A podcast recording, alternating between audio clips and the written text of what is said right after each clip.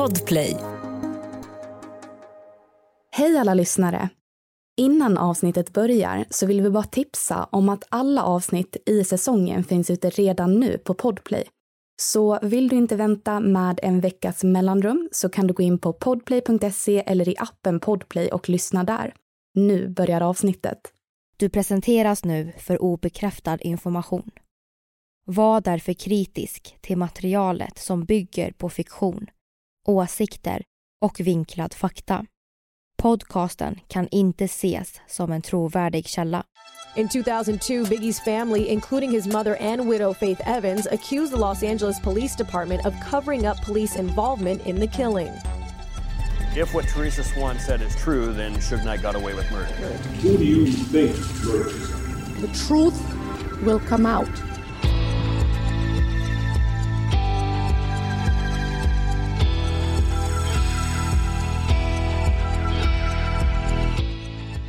Det här är podden för dig som är intresserad av en annan version av verkligheten.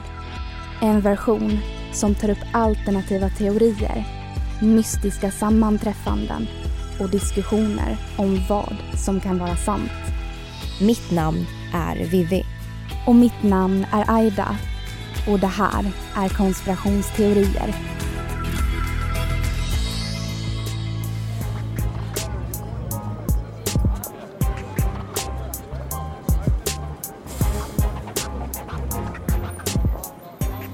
Vi ska tillbaka till 90-talets USA, till Los Angeles och New York och kriget mellan hiphopens öst och västkust. Hiphop-fejden började med ord och dissar. Det eskalerade snabbt till hot och våld. Mordet på rapparen Tupac Shakur triggade ett brutalt gängkrig i Compton. Och allt eskalerade när de kriminella nätverken Bloods och Crips blandades in Dagarna efter mordet sköts medlemmar ur både Bloods och Cribs ihjäl. Rykten började spridas att Bloods erbjöd 10 000 dollar för varje Crips-medlem som dödades. Det blev ett blodbad utan dess like. Samtidigt höjdes röster. Allt fler och fler inom hiphoprörelsen uppmanade varandra att minska på våldet. Ett halvår senare hände något som skulle få konspirationsteorierna att eskalera ännu mer. Den 9 mars 1997 sköts rapparen The Notorious B.I.G. ihjäl. Likt mordet på Tupac är detta fortfarande ouppklarat men det finns en hel del intressanta spår att titta närmare på. Vem var The Notorious B.I.G? Vad hände innan drive-by-skjutningen? Och vem var mördaren? Det ska vi prata om idag när vi ska diskutera en konspirationsteori om mordet på The Notorious B.I.G.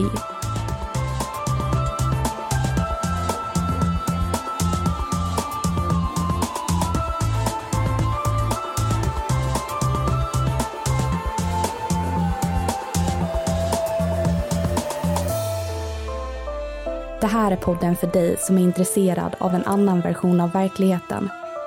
En version som tar upp alternativa teorier, mystiska sammanträffanden och diskussioner om vad som kan vara sant.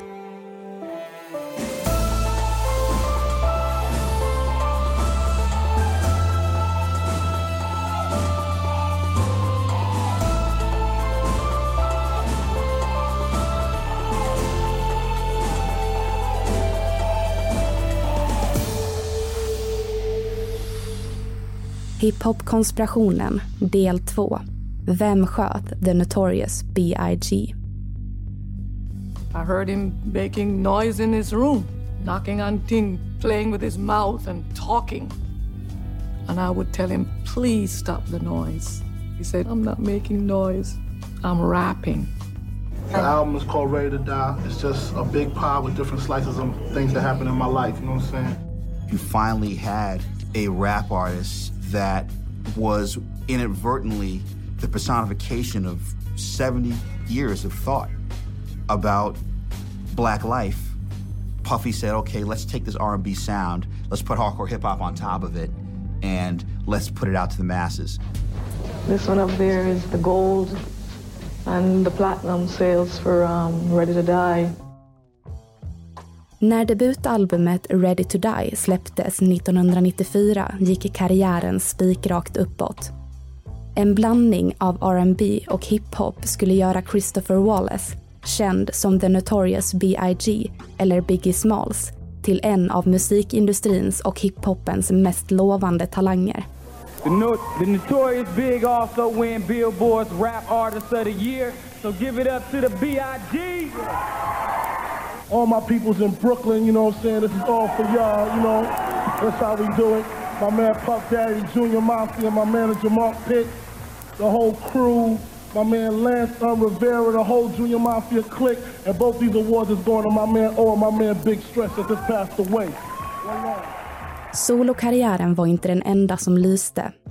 Biggie var med och bildade hiphopgruppen Junior Mafia med sina barndomsvänner som 1995 debuterade med albumet Conspiracy. Albumet placerade sig på en åttonde plats på Billboards 200-lista och sålde senare guld. Men allt förändrades efter Biggies död.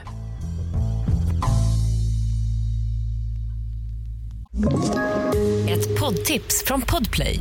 I fallen jag aldrig glömmer djupdyker Hasse Aro i arbetet bakom några av Sveriges mest uppseendeväckande brottsutredningar går vi in med hemlig telefonavlyssning och, och då upplever vi att vi får en total förändring av hans beteende. Vad är det som händer nu? Vem är det som läcker?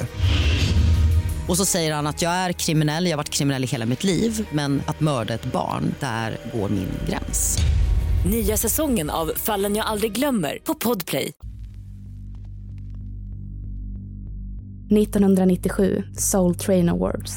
To present the Soul Train Music Award for Best R&B Soul Single Female are Mercury recording star Brian McKnight, Bad Boy recording star Notorious B.I.G., Bad Boy recording star and CEO Sean Puff Daddy Combs, and Bad Boy recording stars 112. Flera artister från Bad Boy Entertainment Däribland rapparen Biggie Smalls och grundaren och producenten Sean Puff Daddy Combs intar scenen för att presentera den kvinnliga bästa artisten i kategorin Best R&B Soul. Puffy i en vit kostym, Biggie i en svart, båda med solglasögon. När Biggie läser upp vinnaren, Tony Braxton, jublar publiken. Men inte västkustens rapfans. De buar när Biggie är på scen. Kriget mellan hiphopens öst och västkust hade inte direkt minskat sedan rapparen Tupac Shakur mördades i en drive-by-skjutning ett halvår tidigare. Det fanns två läger. På ena sidan fanns Shug Knights skivbolag Death Row Records, den nu döde artisten Tupacs skivbolag. På andra sidan Sean Puffy Combs skivbolag Bad Boy Entertainment som Biggie hade kontrakt med.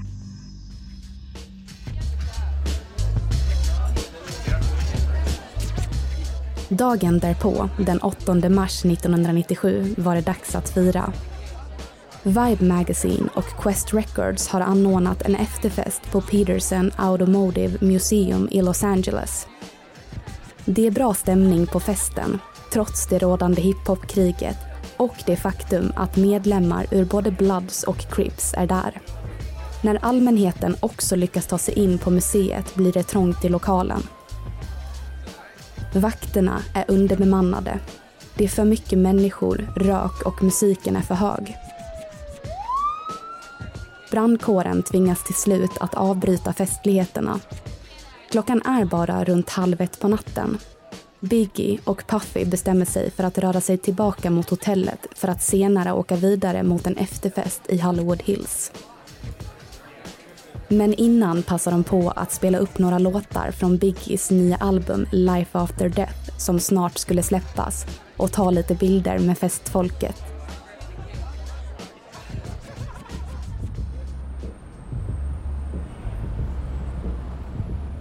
Utanför klubben står tre bilar med flera livvakter och väntar.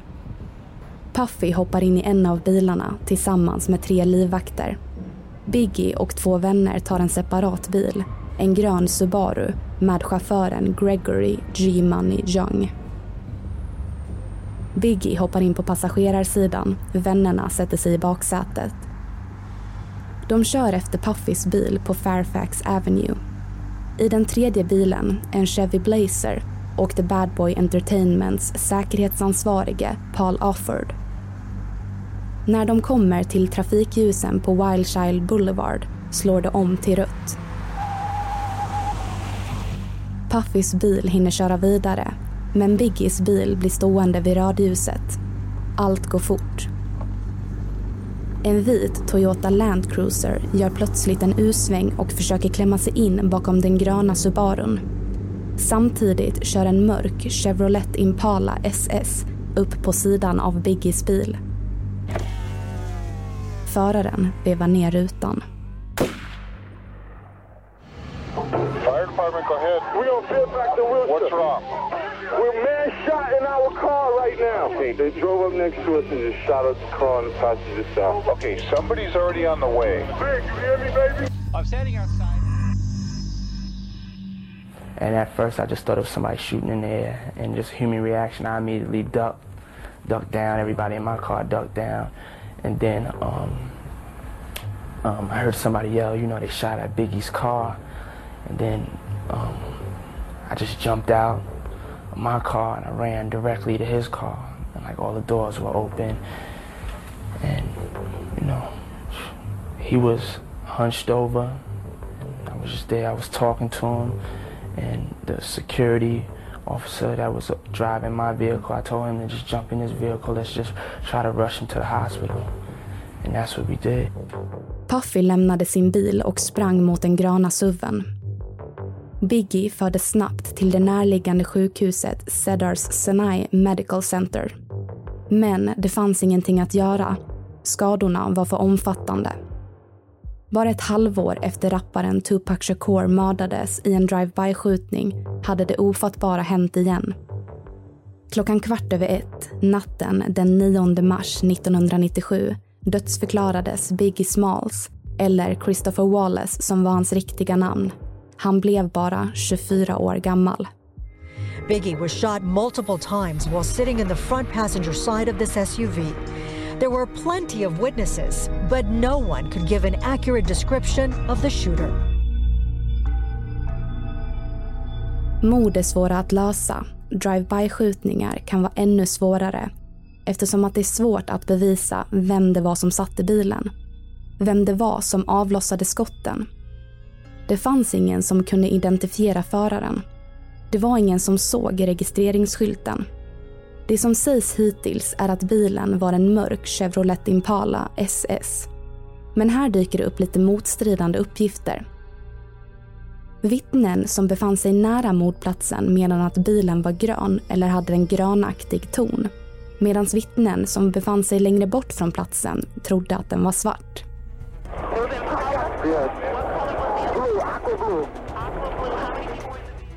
Även om vi inte vet om den var grön, grå eller svart så verkar det vara ganska säkert att den var mörk. Enligt flera vittnen var föraren en svart man med blå kostym och fluga. Och av alla fyra personer som satt i den gröna Subarun så var det bara Biggie Smalls som träffades. 15 dagar efter mordet släpptes albumet Life After Death som planerat. En dubbelskiva som direkt hamnade på Billboards första plats och fick en enorm framgång.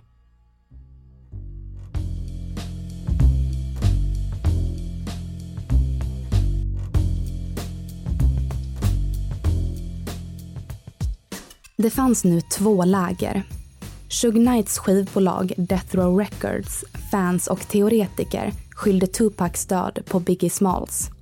Bad Boy Entertainment, deras fans och andra teoretiker skyllde Biggies död på det kriminella Los Angeles-baserade gänget The Mob Pyros som Shug Knight hade anställt som livvakter på Death Row Records. Polisen i Los Angeles stod inför något omöjligt. Vad gör man när ingen pratar? Utredningen gav ingen framgång. År 2002 lämnade Biggies mamma, Voletta Wallace, in en stämningsansökan mot LAPD, Los Angeles Police Department, för en felaktig dödsrätt. Hon ansåg inte att de hade gjort allt de kunde för att förhindra mordet. Det skedde på öppen gata efter en stor branschfest. Det borde inte ha varit någon nyhet för Polismyndigheten att det fanns en stark rivalitet mellan Death Row Records och Bad Boy Entertainment som båda var på festen. Det borde inte heller ha varit en nyhet att Suge Knight och skivbolaget Death Row Records hade kontakter med The Mob Pyrus. Hon ansåg att LAPD borde ha vetat mer och gjort mer. År 2005, åtta år efter dödsskjutningen, tog FBI beslutet att lägga ner fallet på grund av ofullständiga och bristande bevis. En ny stämningsansökan lämnades in av Voletta Wallace år 2007 där de fortsatte att anklaga LAPD för mörkläggning. 14 år efter mordet blev alla handlingar, cirka 100 sidor, offentliggjorda för allmänheten. Så låt oss nu dyka in i konspirationsteorierna.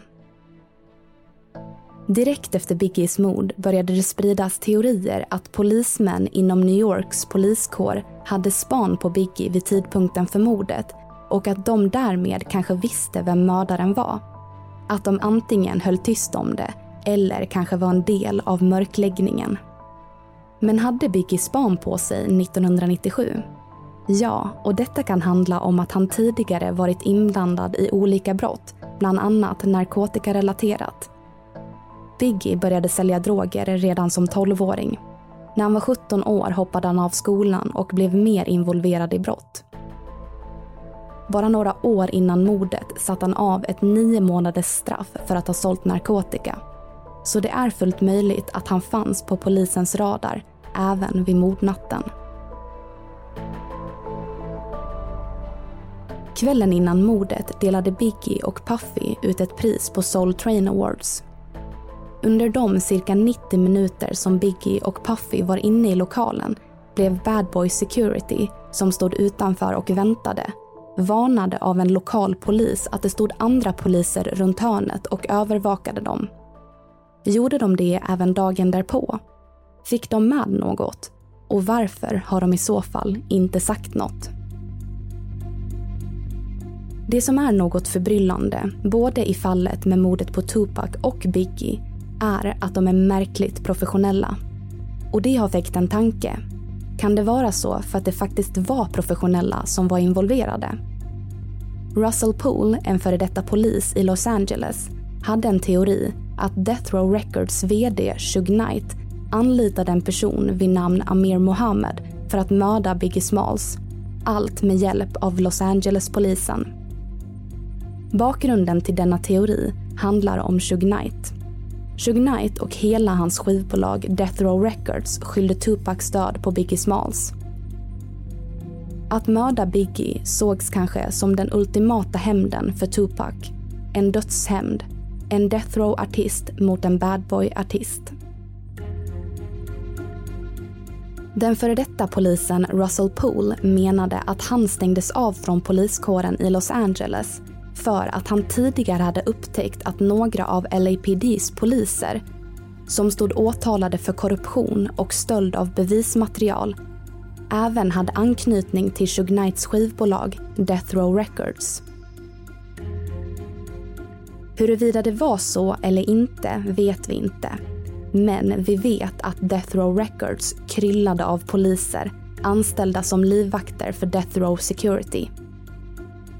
En av dessa poliser som arbetade för Death Row Security var David Mack som också var på festen när Biggie mördades. Efter mordet pratade utredningen med Puffys före detta livvakt Eugene Deal som berättade att en man höll sig väldigt nära Puffy efter festen. När de skulle lämna museet gick mannen norrut på Fairfax Avenue mot den platsen där skottlossningen inträffade. Eugene Deal pekade senare ut mannen som Amir Mohammed. Och det finns faktiskt flertalet vittnen som har pekat ut Amir Mohammed som föraren i bilen. Mannen med blå kostym och fluga som avlossade skotten mot Biggie.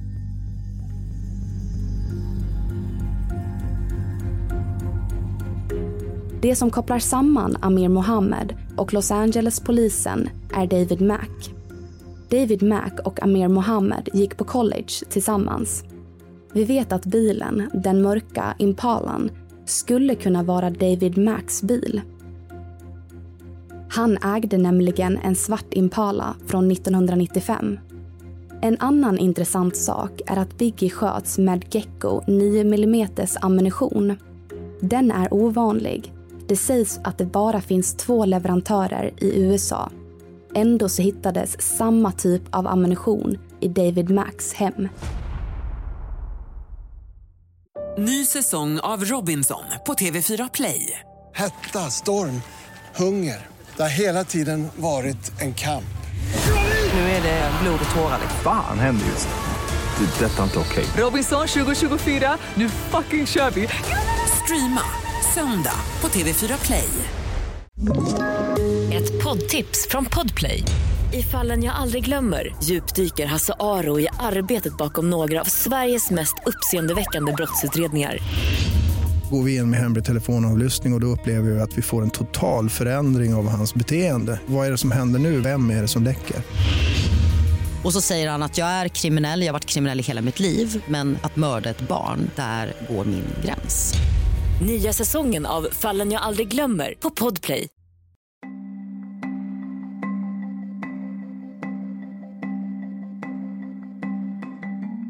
Det finns även en annan teori om Shug Knights inblandning som återigen handlar om att mordet på Biggie Smalls var en hämnd för Tupac.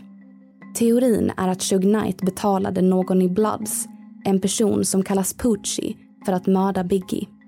The time that Biggie Smalls was killed, Suge Knight was in the county jail. So in order for him to communicate with somebody on the street, he had to go through an intermediary, which was this female who was visiting him in jail.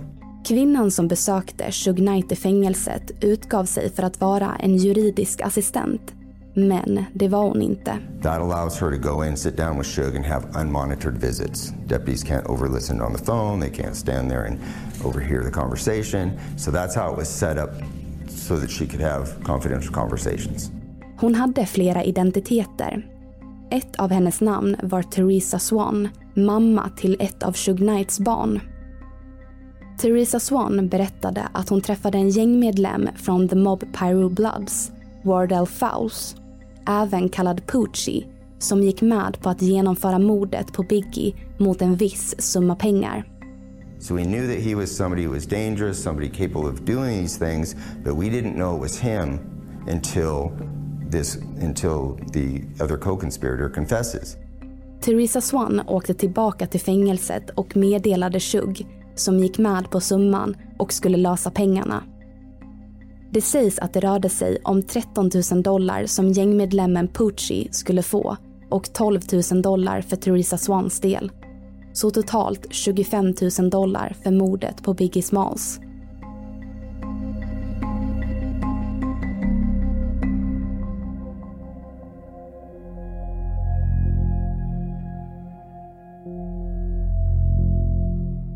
Den sista teorin vi ska ta upp angående mordet är att det kriminella nätverket Southside Crips var involverade. Det finns lite olika spår att titta närmare på. En hypotes är att Death Row Records VD Shug Knight beställde mordet på Biggie från fängelset och att det var Cribs som genomförde det. Bakgrunden sägs kunna vara att Cribs-medlemmen Orlando Anderson blev misshandlad av Tupac, Shug Knight och deras följe efter tungviktsmatchen på MGM Grand Hotel i Las Vegas den 7 september 1996, dagen då Tupac mördades. Efter misshandeln dömdes Shug Knight till fängelset. Men märkligt nog så ändrade Orlando Anderson sitt vittnesmål till Shug Knights fördel. Varför gjorde han det? Hade de kommit överens om någonting? Hade Shug Knight erbjudit honom pengar?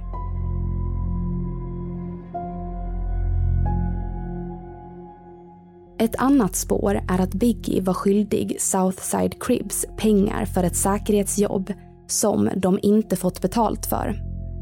Tre dagar in i utredningen fick LAPD ett tips från Compton PD att Biggie kanske var i Compton South Park Cribs område tillsammans med några från Cribs samma dag som Vibefesten ägde rum. Besökte Biggie Compton under hans sista dag i livet? Vilka träffade han? Vad hände?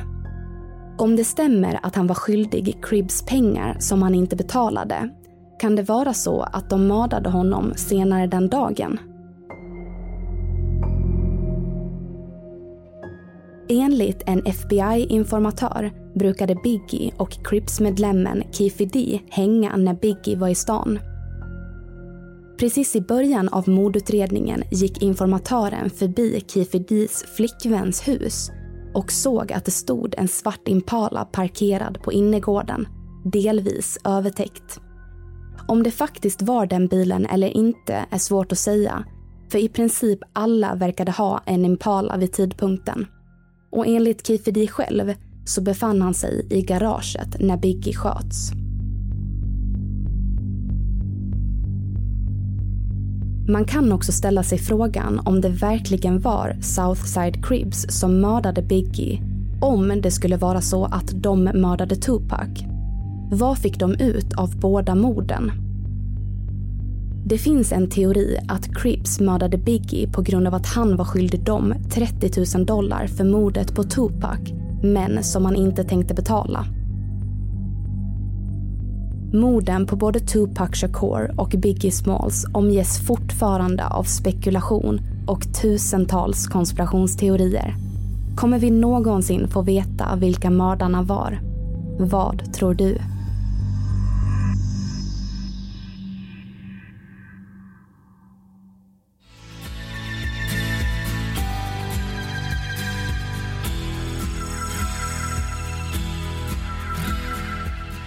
Du har lyssnat på Vem sköt The Notorious B.I.G. Avsnittet gjordes hösten 2021. Vi som har gjort programmet heter Vivian Lee och Aida Engvall tillsammans med redigerare Jenny Olli. Källorna till dagens program hittar du via vår Facebook eller Instagram där vi heter konspirationsteorier. Via våra sociala medier kan du även skicka in tips och önskemål på teorier som du vill höra i podden. Vill du höra fler avsnitt av konspirationsteorier? Besök din poddapp och lyssna på avsnitt som Blev Marilyn Monroe mördad?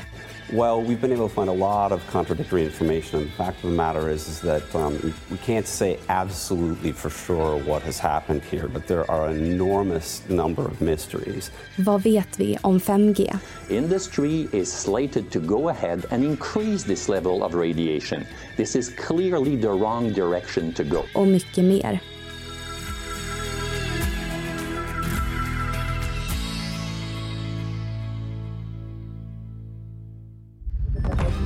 Podplay, en del av Power Media.